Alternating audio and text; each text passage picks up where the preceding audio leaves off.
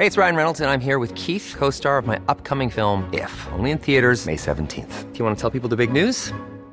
All right, I'll do it. Sign up now and you'll get unlimited for $15 a month in six months of Paramount Plus Essential Plan on us. Mintmobile.com slash switch. Upfront payment of $45 equivalent to $15 per month. Unlimited over 40 gigabytes per month. Face lower speeds. Videos at 480p. Active Mint customers by 531.24 get six months of Paramount Plus Essential Plan. Auto renews after six months. Offer ends May 31st, 2024. Separate Paramount Plus registration required. Terms and conditions apply if rated PG. Hiring for your small business? If you're not looking for professionals on LinkedIn, you're looking in the wrong place. That's like looking for your car keys in a fish tank. LinkedIn helps you hire professionals you can't find anywhere else, even those who aren't actively searching for a new job but might be open to the perfect role. In a given month, over 70% of LinkedIn users don't even visit other leading job sites. So start looking in the right place. With LinkedIn, you can hire professionals like a professional. Post your free job on linkedin.com slash people today. Burrow's furniture is built for the way you live. From ensuring easy assembly and disassembly to honoring highly requested new colors for their award-winning seating, they always have their customers in mind. Their modular seating is made out of durable materials to last and grow with you. And with Burrow, you always get fast, free shipping. Get up to 60% off during Burrow's Memorial Day sale at burrow.com slash ACAST. That's burrow.com slash ACAST. burrow.com slash ACAST. Helt siden de første menneskene slo seg ned i Trøndelag, har det blitt observert underlige lys over Hessdalen. Fenomenet har blitt forsøkt bortforklart som syner sett av bygdetullinger og deliriske hallusinasjoner forårsaket av den lokale drikkekulturen. Men det skulle vise seg at fenomenet stakk langt dypere, når Hessdalen-fenomenet fikk verdensomspennende oppmerksomhet i ufo-miljøet på 1980-tallet. Fenomenet er fremdeles der, og det er fremdeles like uforklarlig som den gang. I 2024 kommer en podkastserie i seks deler produsert av Project Hessdalen, som kanskje en gang for alle skal finne svar på hva som rører seg på himmelen i denne bortgjemte dalen i Trøndelag. Serien har som seg hør og bør fått tittelen A Blaze in the Northern Sky, og den kommer til din favorittpodkastavspiller i 2024.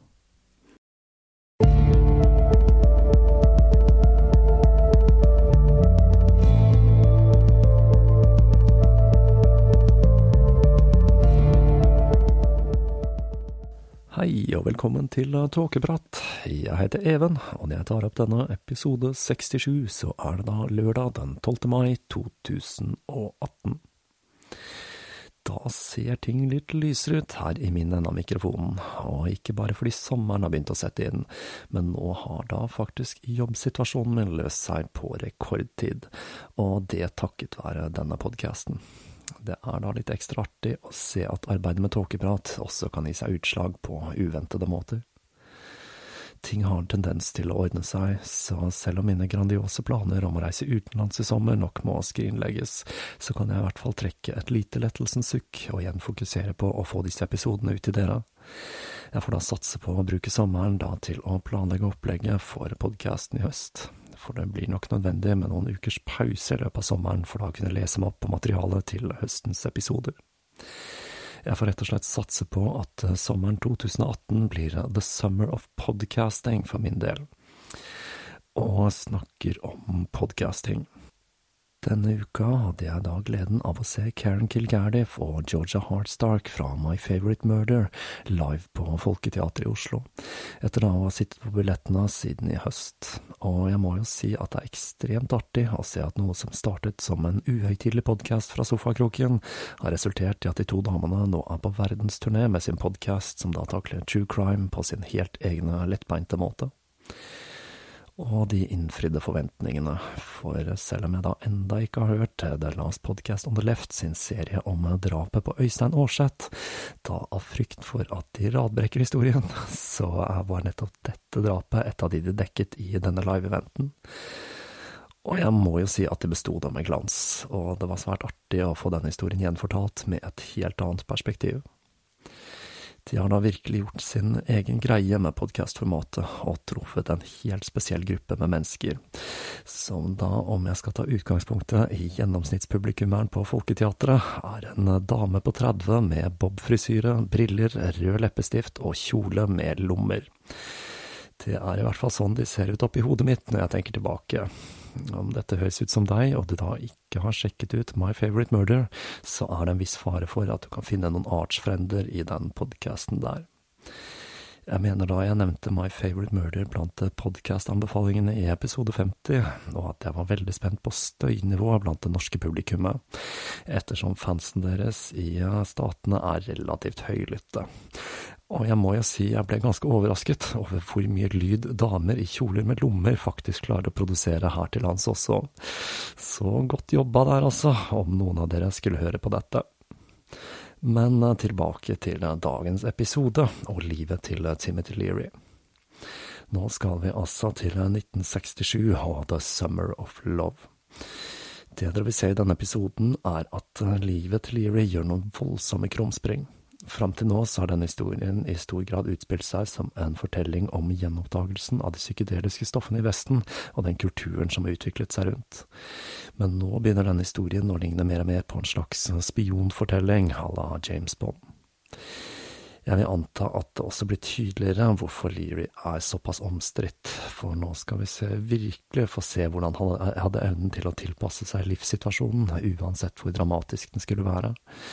Leary tilpasset sin virkelighetstunnel, selv om virkeligheten han så seg nødt til å lage, var en helt annen enn den han og bevegelsen befant seg i.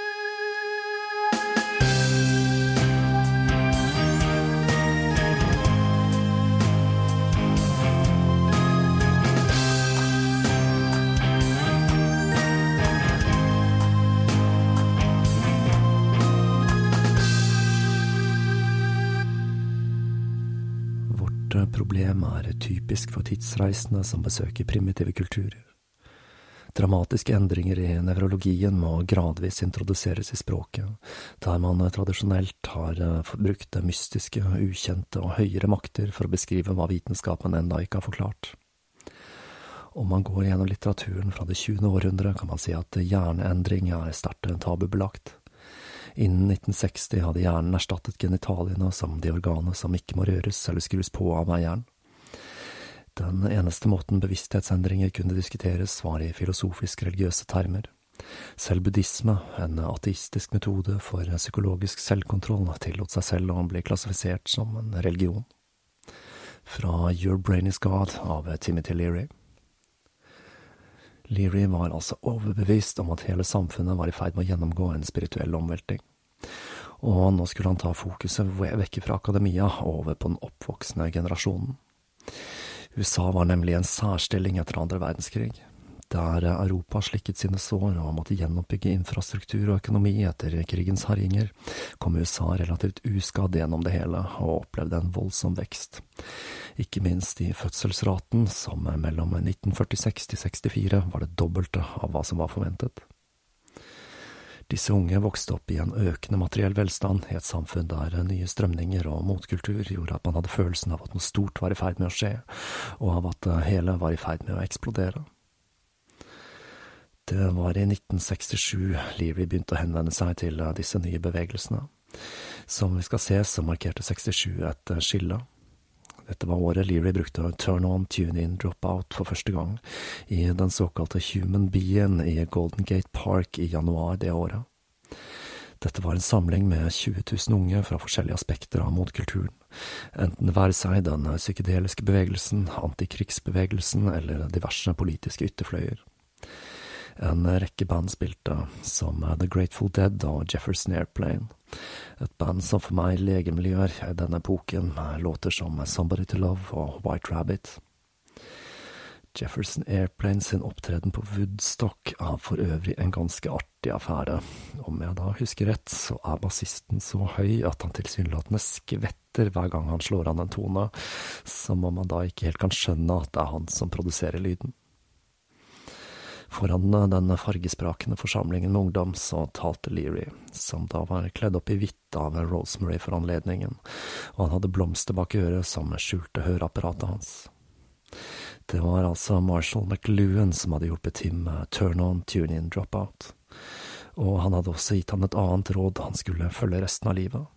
Smil.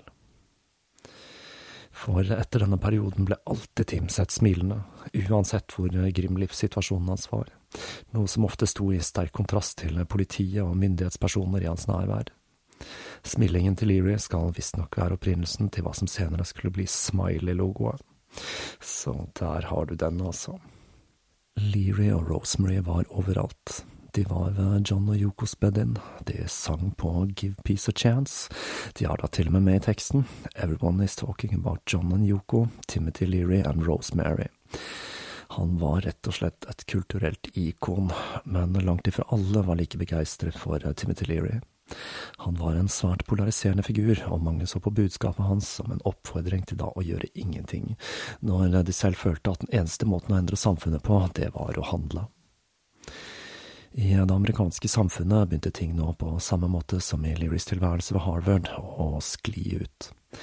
For mot slutten av 1967, året som hadde startet med The Human Being og en bevegelse drevet av idealisme og samarbeid, så begynte stoffer som amfetamin å få fotfeste i San Francisco og Hate Ashbury, da LSD begynte å bli vanskelig å oppdrive.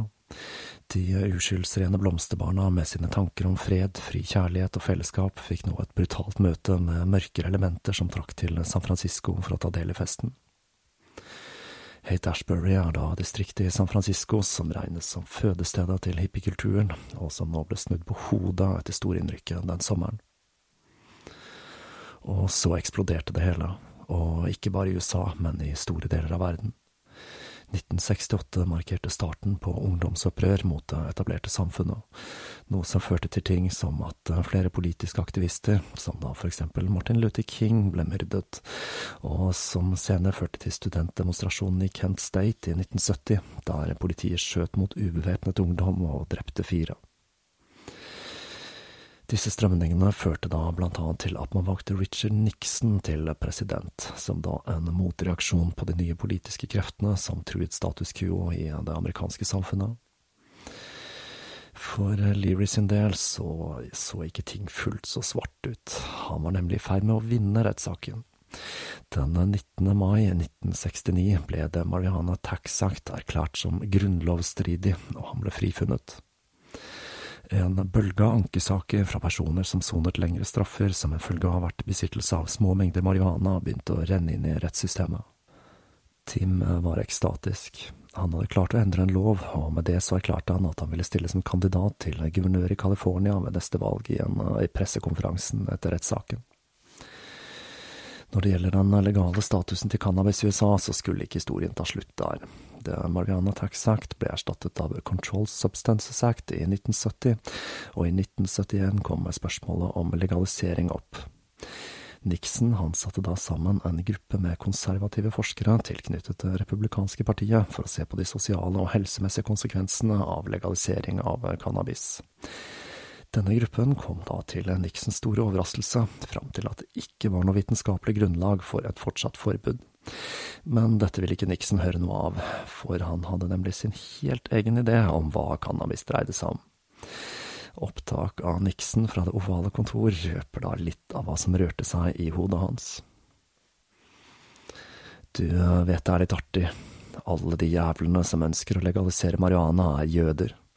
Hva er det med jødene, Bob, hva er galt med de? Jeg regner med at det skyldes at de fleste av de er psykiatere, du vet, det er så mange, alle de beste psykiaterne er jøder.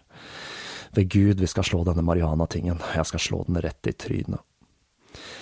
Nixon koblet da marihuana til ting som jøder, homofili og kommunisme, og dette var en av grunnene til at han så på Leary som den farligste mannen i Amerika. Men til tross for Learys feiring over seieren over det Mariana Tax Act, så hadde han flere rettssaker i vente. Jula 1968 hadde bilen med han, Rosemary og Jack blitt stoppet og ransaket, og de hadde da, i tillegg til å finne marihuana og LSD på Rosemary og Jack, funnet et par joint-sniper i askebegeret. Og når denne rettssaken kom opp, så ble det klart for Leary at han var nødt til å ta på seg skylden om Rosemary og Jack skulle slippe billigere unna. Han ble dømt til ti år i fengsel, mens Rosemary slapp med en betinget dom, og Jack fikk 90 dager bak lås og slå. Det var heller ikke noen mulighet for kausjon for Leary, noe som nok hadde en sammenheng med at han ble regnet som en folkefiende, og kanskje også at det troppet opp en haug med hippier med blomster i håret som da omet under hele rettssaken, hvorav en av de ble arrestert for å ha tatt LSD. I tillegg så hadde den tidligere saken blitt omgjort til nå å gjelde smugling og ikke transport under The Mariana Tax Act. Og selv om han aldri hadde krysset grensen til Mexico, så fikk han da enda en dom på ti år, altså 20 år totalt. Leary ville være en gammel mann når han slapp fri. Han skrev en lapp til Rosemary som han ga henne før han ble ført ut av rettslokalet. Gjennom tårene kunne Rosemary lese. Dette er tiden hvor vi har muligheten til å prøve ut dybden på vår tro, tillit og tålmodighet. Kjærlighet kan ikke fengsles.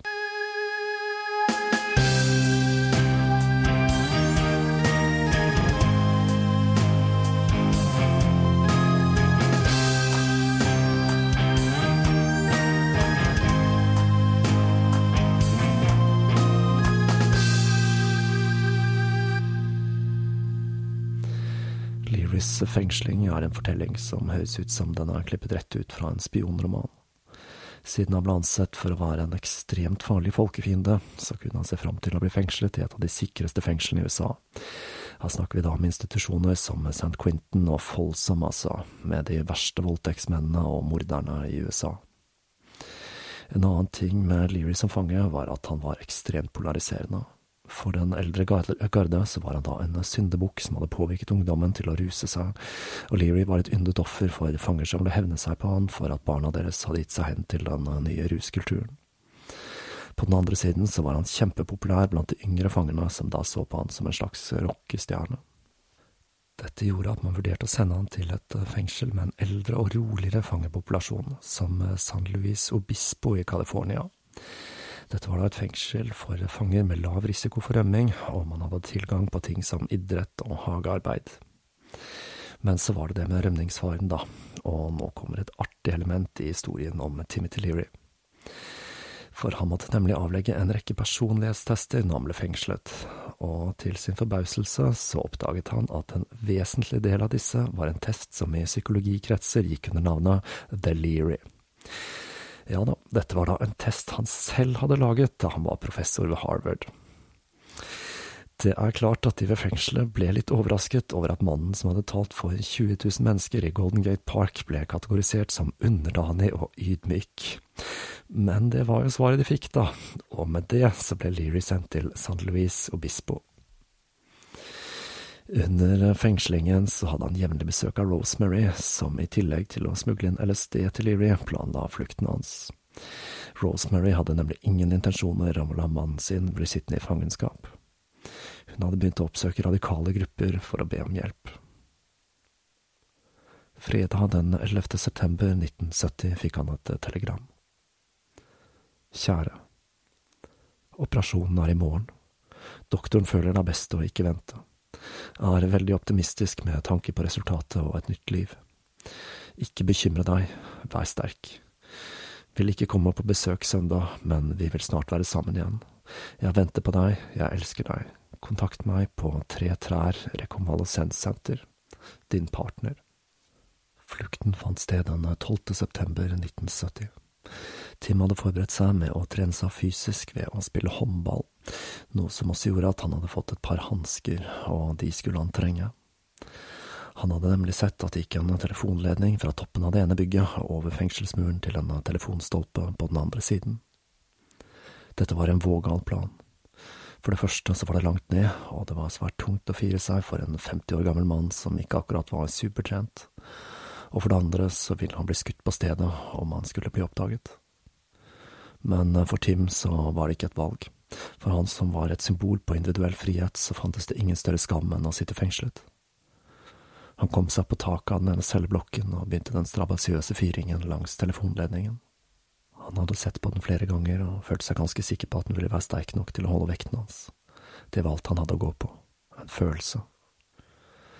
Til tross for at han flere ganger underveis trodde hans siste time var kommet, så klarte han til slutt å fire seg til telefonstolpen på motsatt side og klatret ned. Han løp langs et par togskinner som gikk forbi fengselet, fram til han så tre trær. Det var det som hadde vært den kodede beskjeden i telegrammet han hadde fått. Han visste han hadde funnet riktig sted da det var plassert en liten buddha-statue der, og ikke lenge etter så kom en bil som satte på det høyre blinklyset. Det var signalet. Han eh, gikk opp til bilen og fikk eh, kodeordet. I bilen satt det to tilsynelatende normale unge jenter, han ante ikke hvem de var. Men det skulle raskt vise seg at utseendet bedro, for eh, en av de, som da kalte seg Kelly, begynte å instruere han som om hun var en etterretningsagent med erfaring i denne typen arbeid. Han fikk et nytt navn, William McNellis, født den 14. november 1929, og fikk et nytt ID-kort og et nytt sett med klær. Etter å ha kjørt et stykke satte sjåføren av Tim og Kelly på stranda i Morabukta, hvor de gikk til en bobil som sto gjemt blant sanddynene. Kelly omfavnet det middelaldrende paret som bodde i bilen, sammen med et ti år gammelt barn. Hun forklarte for Tim at han skulle bli med denne familien til et safe house i San Francisco, før hun tok ham med på baksiden av bilen og begynte å farge håret hans. Og det var da han fant ut hvem som hadde organisert flukten hans.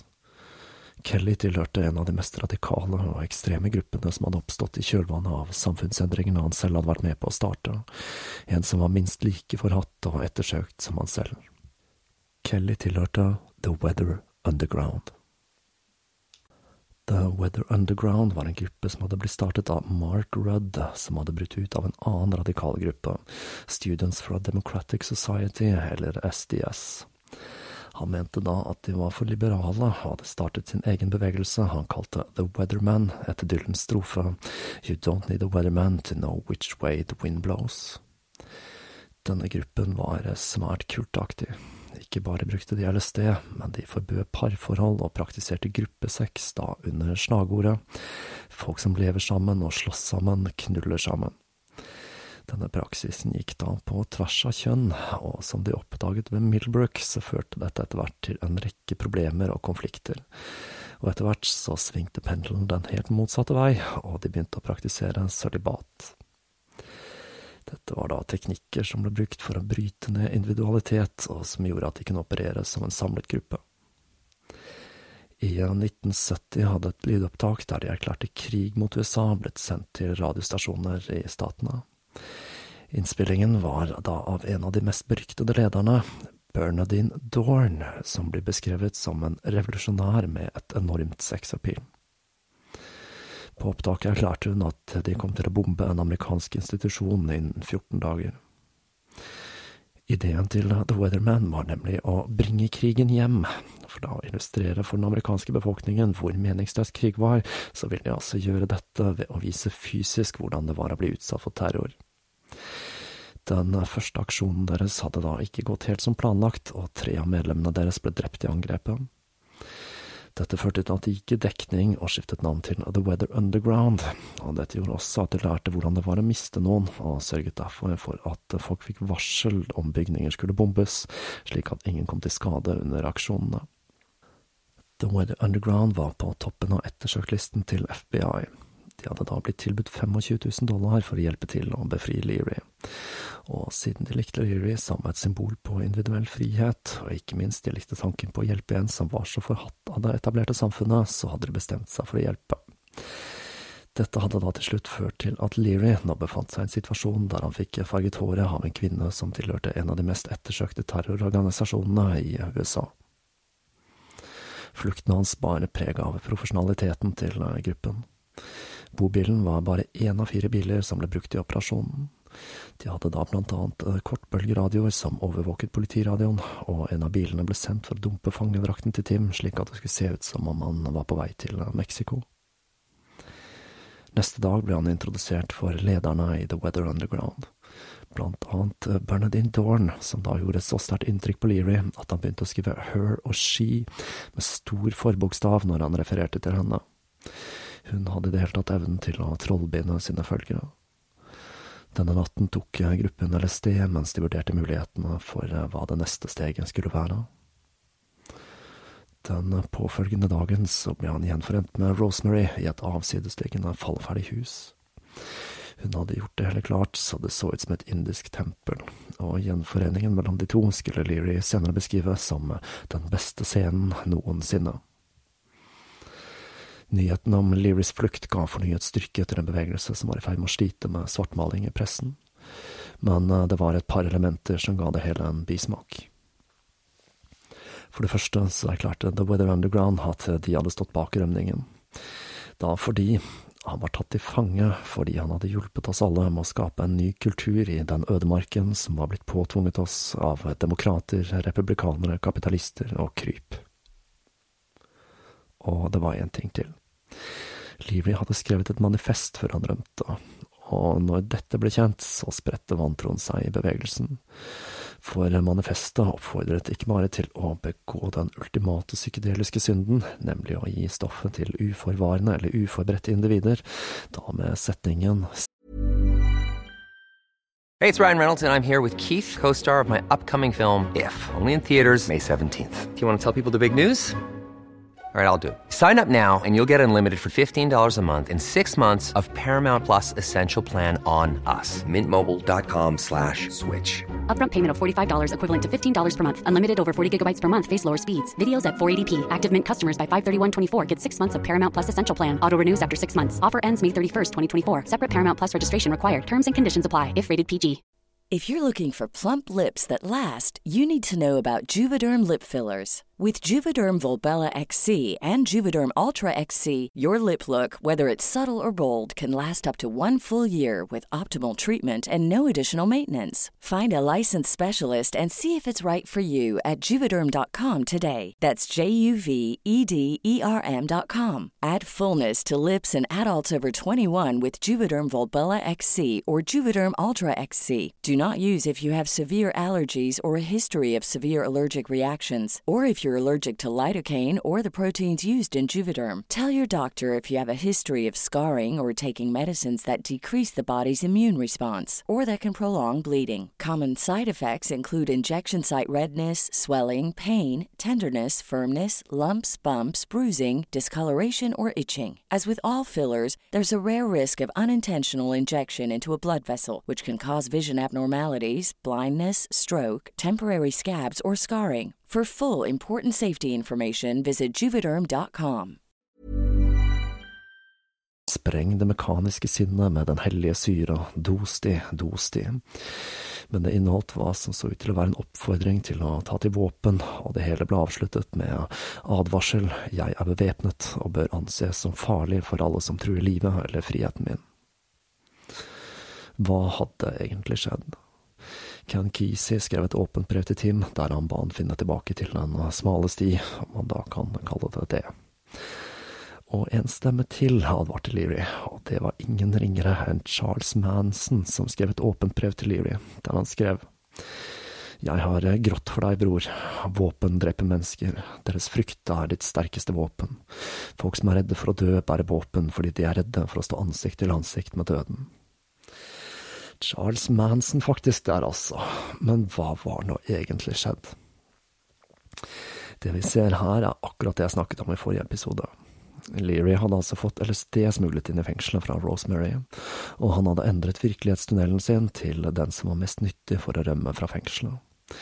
Leary hadde rett og slett radikalisert seg selv for å tilpasse personligheten sin slik at han var bedre egnet til å flykte. Om dette var en villet handling eller et resultat av å ta LSD i et miljø som fengsel, det er da ikke så lett å si. Da Weather Underground hadde lagt en plan. Tim skulle smugles ut via et vanlig rutefly til Europa, men flyplassene var strengt overvåket i denne perioden på grunn av en serie med palestinske flykapringer, så han trengte en forkledning. Dette skulle heldigvis vise seg å være svært enkelt, for Tim var tross alt en godt voksen mann. Alt de trengte å gjøre, var å barbere toppen av hodet hans, slik at han da ble skalla, og ta på han en litt billig dress, og vips, så var den beryktede lederen for den psykedeliske bevegelsen forvandlet til en streit, grå fyr. De forsøkte da til og med forkledningen i offentlighet, da ved å ta med Tim på visningen av den nye Woodstock-filmen. Og dette gikk over all forventning, for selv om han da ikke klarte å dempe seg og hylte begeistret ut hver gang noen han kjente dukket opp på skjermen, så ble han altså ikke gjenkjent. Rosemary fikk seg også en forkledning, da som sekretær, og sammen brukte de sine falske papirer og skaffet seg nye pass. De skled ubemerket gjennom sikkerhetskontrollen og satte kursen mot Paris.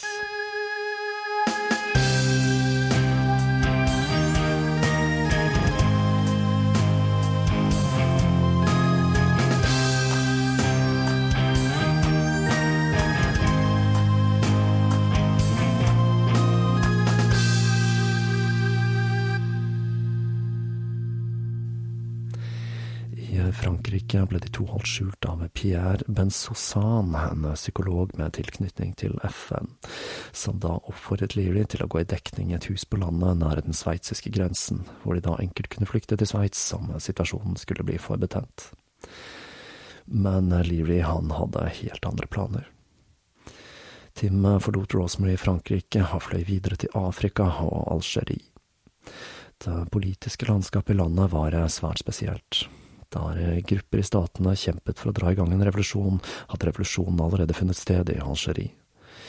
Landet hadde vært en fransk koloni, og det franske styret hadde blitt styrtet den 5. juli 1962, og dratt landet inn i en borgerkrig frontet av FLN, eller Fronti Liberation National, som hadde som mål å opprette en islamsk republikk. Dette hadde ført til full krig mellom Algerie og Frankrike, hvor Algerie til slutt kom seirende ut av konflikten siden FLN hadde fått støtte fra en rekke revolusjonære grupper. Blant annet så hadde da Che Guevara tilbrakt mye tid der og trent FLN. Så hadde dette ført til at eh, flere radikale grupper, som blant annet Viet Cong, nå hadde fått ambassader i landet, på samme måte som vanlige anerkjente nasjoner. Og en av disse gruppene var The Black Panthers, som da representerte USA med sin ambassade. Og det var derfor Leary var der. Han var ute etter å opprette kontakt med ambassadøren for The Black Panther Party, Eldrich Cleaver. Mye kan sies om The Black Panthers, men Eldrich Cleaver er vel ikke akkurat min favorittfigur i amerikansk motkultur og rasekamp. Han hadde skrevet en essaysamling som da heter Soul on Ice, hvor han da beskriver i detalj gleden han følte ved å voldta en hvit kvinne handlingen han var fengslet for mens han da skrev denne samlingen.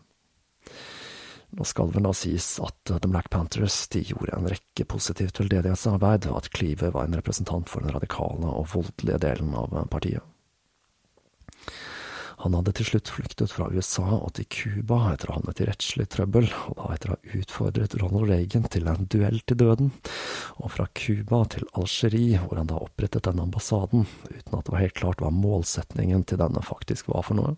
Leary ble skuffet over at Cleaver ikke var til stede når han ankom, men han ble tatt imot av hans feltkommandant Donald Cox, som gikk under kallenavnet DC.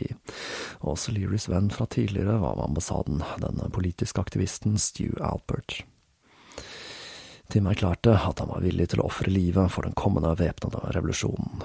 Og etter hvert så begynte også pressen å dukke opp for å intervjue den rømte psykedeliske guruen, men nå var det en helt annen figur det ble møtt av. Leary snakket nå åpent om væpnet revolusjon og nødvendigheten av å ta livet av personer som var fiender av revolusjonen. Som Snuten, eller Purken, da, om du vil. Når eh, Leary møtte Cleaver, så begynte de to å planlegge revolusjonen, og til tross for at Cleaver normalt var svært skeptisk til fremmede som kom og begynte å legge frem planer, så virket han til å begynne med villig til å høre på Leary. Dagen etter møtet mellom de to så kom Rosemary og med henne en stor forsyning med LSD.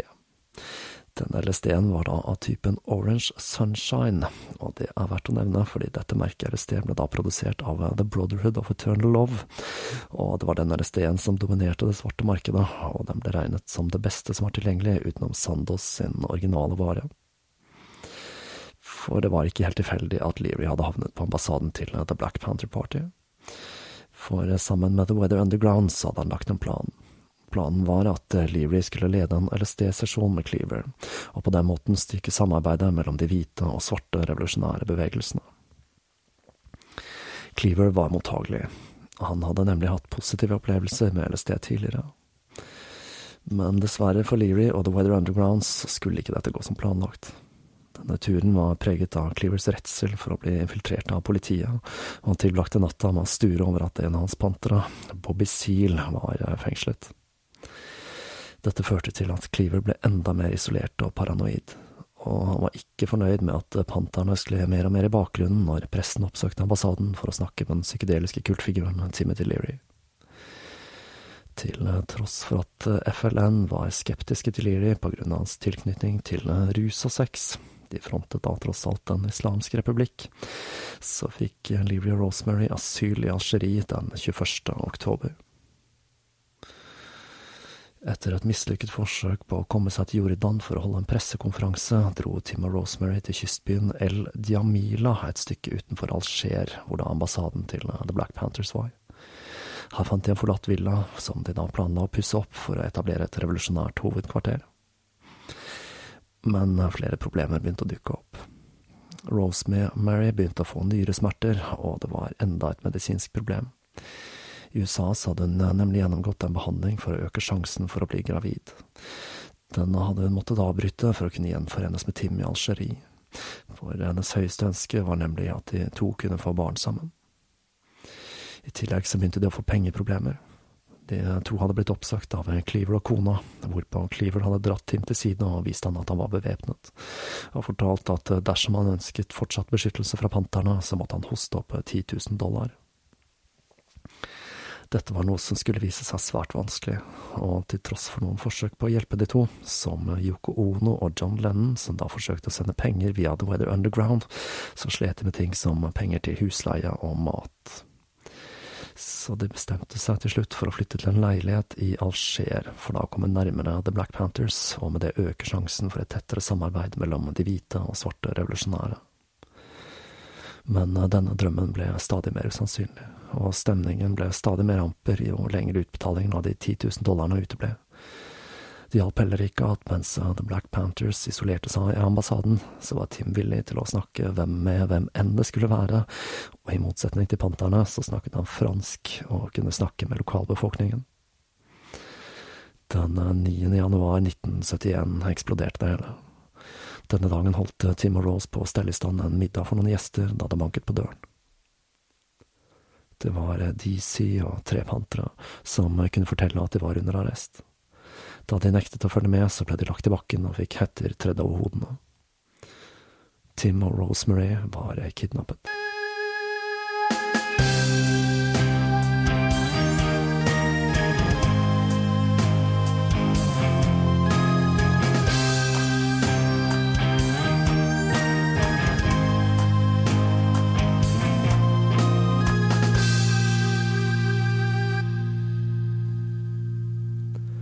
Ble først kjørt til en leilighet der de to ble filmet sittende på en madrass.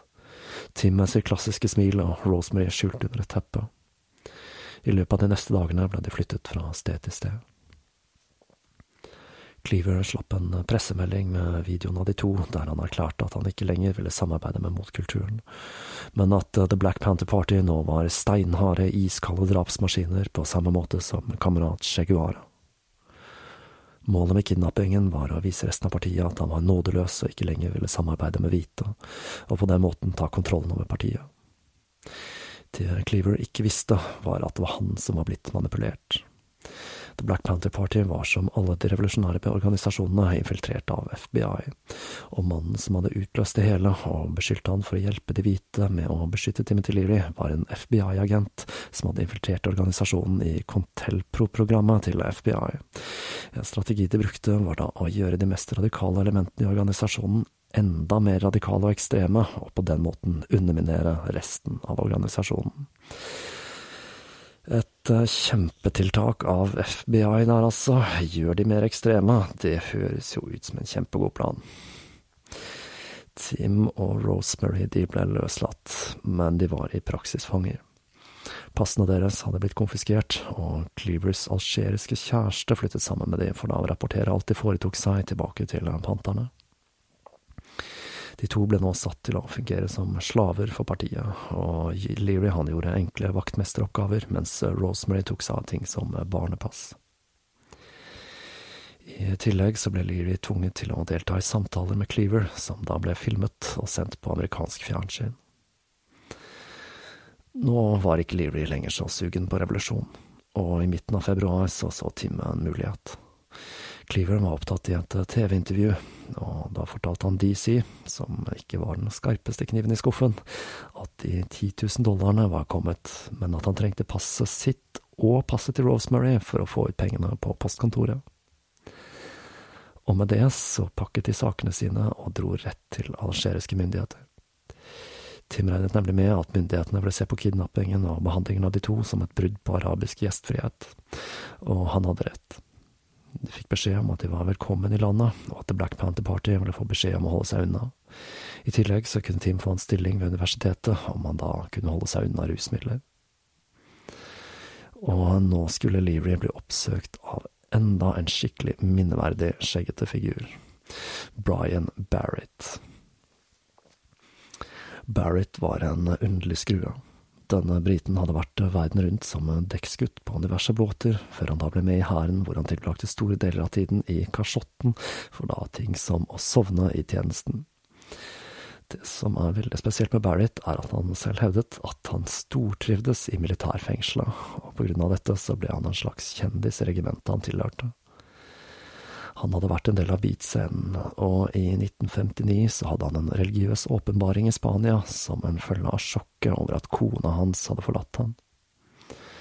Barrett hadde også vært en av de første som ble introdusert for LSD i Storbritannia, og når Michael Hollingshead kom tilbake til London med majonesglasset sitt, så begynte den psykedeliske bevegelsen å bre seg på de britiske øyer, da med god hjelp fra Barrett, og personer som Paul McCartney ble introdusert for stoffet. Problemet var kunnskap, for eh, selv om Barrett gjorde sitt ytterste for å spre LSD, så forsto han at han visste svært lite om det, og det var gjennom IFIFs publikasjon The Psychedelic Review og Learys The Psychedelic Experience han begynte å danne seg et bilde om eh, hva det hele dreide seg om, og han begynte å distribuere dette materialet sammen med LSD. I 1965 eh, så la han ut på en reise gjennom Europa, India og Midtøsten med bagasjen full av LSD, opium og cannabis. Da han kom tilbake til England, så ble da denne skjeggete mannen selvsagt stoppet i tollen, og de fant stoffene på han, og han ble fengslet. Barrett hadde nemlig ikke hatt hjerte til å kvitte seg med disse før han da skulle gjennom tollen. Mens han satt i fengsel, så skrev han en tekstsamling, Whisper, som han da skrev i mikroskrift og smuglet ut på små lapper han hadde teipet fast under penisen sin. Hvordan nå endte det foregikk. Barrett tilbrakte altså tiden der hippiebevegelsen vokste fram i fengsel, og etter han ble løslatt, så spredte ordet seg i undergrunnen. Leary hadde rømt. Når nyheten om flukten og Learys underlige personlighetsforandring nådde Barrett, så sendte han et brev og en kopi av Whisper til eh, Leary i Algerie, og spurte om han ikke kunne tenke seg å skrive forordet til boka. Og når han hørte at Leary hadde blitt gitt amnesti av algeriske myndigheter, så tok han med seg kjæresten og satte kursen mot Algerie. Barrett hadde nemlig en plan. For det første så trodde han han kunne hjelpe Leary med å bli kvitt opphenget han hadde fått på vold og revolusjon. Og så var det én ting som var enda viktigere, nemlig Learys bevissthetsmodell. Dette er nok hva vi kan kalle Learys magnum opus. Han forsøkte nemlig å lage en modell av bevissthetsstadiene i den psykedeliske opplevelsen. Han ble da aldri helt ferdig med dette arbeidet, og han holdt på med å endre og utbrodere den modellen resten av livet. Barrett hadde nemlig jobbet med det samme, og han var fryktelig spent på å se om han kommet, det han hadde kommet fram til, stemte overens med Learys arbeid. Og det skulle vise seg at det gjorde. Etter Barry troppet opp hjemme hos Leary i Algerie og forklarte hvorfor han var der, så studerte de hverandres arbeid.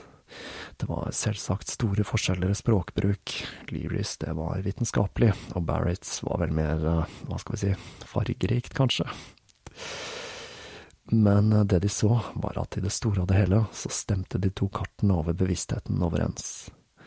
Det de hadde kommet over, var noe universelt, og ikke kun en subjektiv oppfattelse av opplevelsen. Tim og Barrett ble straks gode venner, og påskeaften 1971 så bestemte de to seg for å ta LSD sammen. De kjørte da ut til Bau Sada, et eh, lite sted like i utkanten av Sahara. De tok LSD-en og fortsatte ut blant sanddynene til de fant et uttørket elveleie. Denne natten skulle vise seg å være svært spesiell, for til tross for at de to var svært erfarne med bruken av sted, så var dette en ekstraordinært kraftig tur, og merkelige ting begynte å skje. Barrett så en kappekledd skikkelse som sto i en virvel av sand og leste fra et manuskript. Han fikk det for seg at uh, dette manuskriptet på en eller annen måte var knyttet til den elisabethanske magikeren John Dee. Og nå, kjære lyttere, kommer et av høydepunktene i denne historien.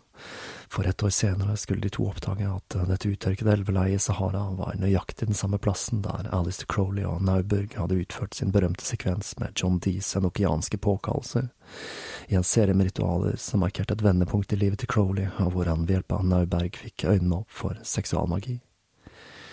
Og med det begynte Leary å se på seg selv som en slags fortsettelse av Crowley. Ikke som en reinkarnasjon, men en slags tvillingsjel, eller en Crowley-arketype, om du vil. Han begynte nemlig, som jeg har gjort i denne serien, å trekke paralleller mellom sitt og Alice Crowley sitt liv, og de er det svært mange av. Interessen hans for vestlige, esoteriske og magiske tradisjoner ble vekket, og når han i april 1971 fikk en invitasjon til å holde et foredrag ved Universitetet i København, så pakket han kofferten og satte kursen mot Skandinavia.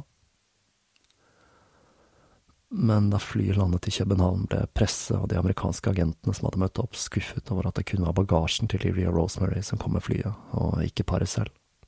De hadde nemlig blitt igjen i Genéve under en mellomlanding der, etter først å ha snakket med Pierre Benzozan i Frankrike. De fikk nemlig klar beskjed om at om de dro til Danmark, så ville de bli arrestert. Siden de ikke hadde penger eller andre muligheter, så bestemte de to seg for å følge rådet til den franske kontakten om da å oppsøke en våpensmugler, Mikkel Huckard, som visstnok var interessert i å hjelpe Leary. Leary kontaktet denne Huckard, som levde i eksil i Sveits etter å ha blitt dømt for svindel i 1964, og det de hadde hørt var riktig. Han var svært interessert i å hjelpe de to. Og nå skulle livene deres endre seg voldsomt fra den tilværelsen de var blitt vant til i Algerie, og Leary skulle igjen forandre personlighet. Huckard var nemlig en figur som uh, virket som om han kom fra Ian Flemings univers, noe som gjorde at Barrett senere ga han kallenavnet Goldfinger. Han levde i overdådig luksus, champagnen fløt i strie strømmer, og han var omgitt av makt, penger og vakre kvinner. Men hvor han hadde fått all rikdommen fra, ble aldri helt klart. Det var noe man ikke snakket om. Men det var kjent at Huckern hadde vært involvert i å bevæpne en rekke opprørs- og geriljagrupper i ulike land. Det var heller ikke av altruistiske grunner at han hadde sagt seg villig til å hjelpe Leary.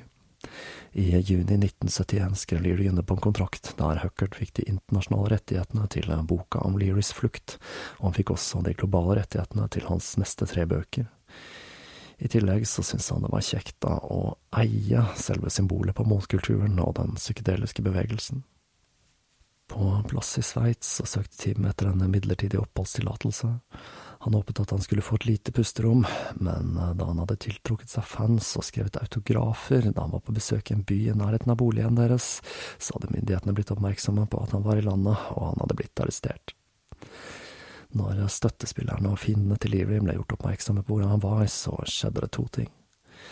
En rekke prominente forfattere skrev under på et opprop om at Tim var en politisk fange som ble forfulgt av amerikanske myndigheter, da blant annet Alan Ginsberg, Alan Watts og Ken Kesey. Kausjonen hans på 20 000 dollar ble betalt av Walter Clark, en tidligere kollega fra Harvard, og Leary søkte nå om politisk asyl i Sveits. Samtidig så begjæret amerikanske myndigheter han utlevert. Den endelige avgjørelsen til sveitsiske myndigheter kom den 29. desember 1971. De avviste begjæringen om utlevering til USA, da angivelig fordi amerikanske myndigheter ikke hadde fulgt korrekt søknadsprosess, og de sa også at saken ikke kunne prøves på ny. Samtidig så avviste de søknaden om politisk asyl, fordi Leary når som helst kunne dra tilbake til Algerie uten risiko for politisk forfølgelse. Men han fikk være i Sveits på turistvisa, men datoen for når han måtte forlate landet ble satt til den 31. oktober 1972.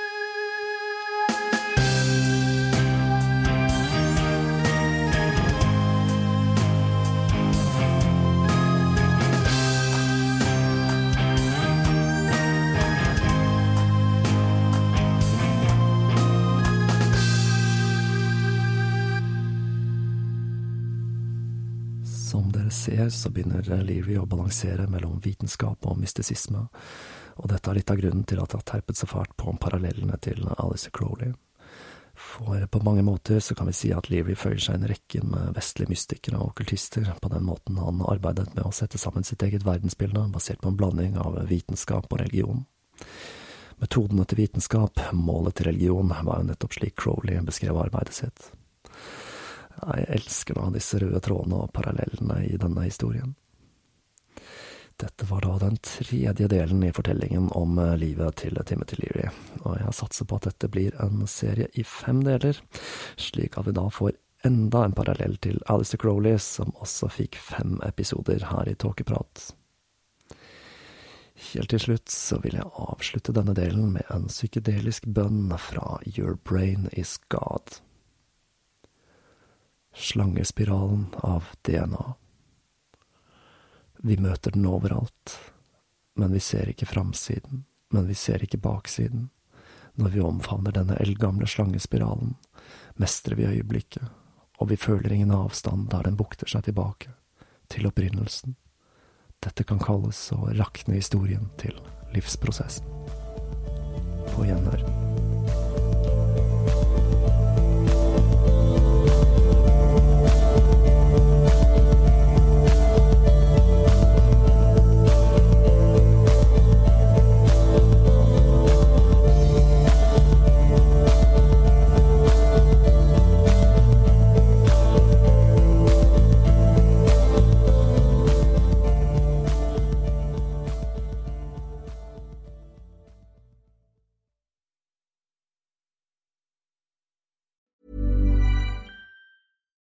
It's Paige DeSorbo from Giggly Squad. High quality fashion without the price tag. Say hello to Quince. I'm snagging high-end essentials like cozy cashmere sweaters, sleek leather jackets, fine jewelry, and so much more. With Quince being 50 to 80% less than similar brands. And they partner with factories that prioritize safe, ethical, and responsible manufacturing. I love that. Luxury quality within reach. Go to quince.com slash style to get free shipping and 365 day returns on your next order. Quince.com slash style.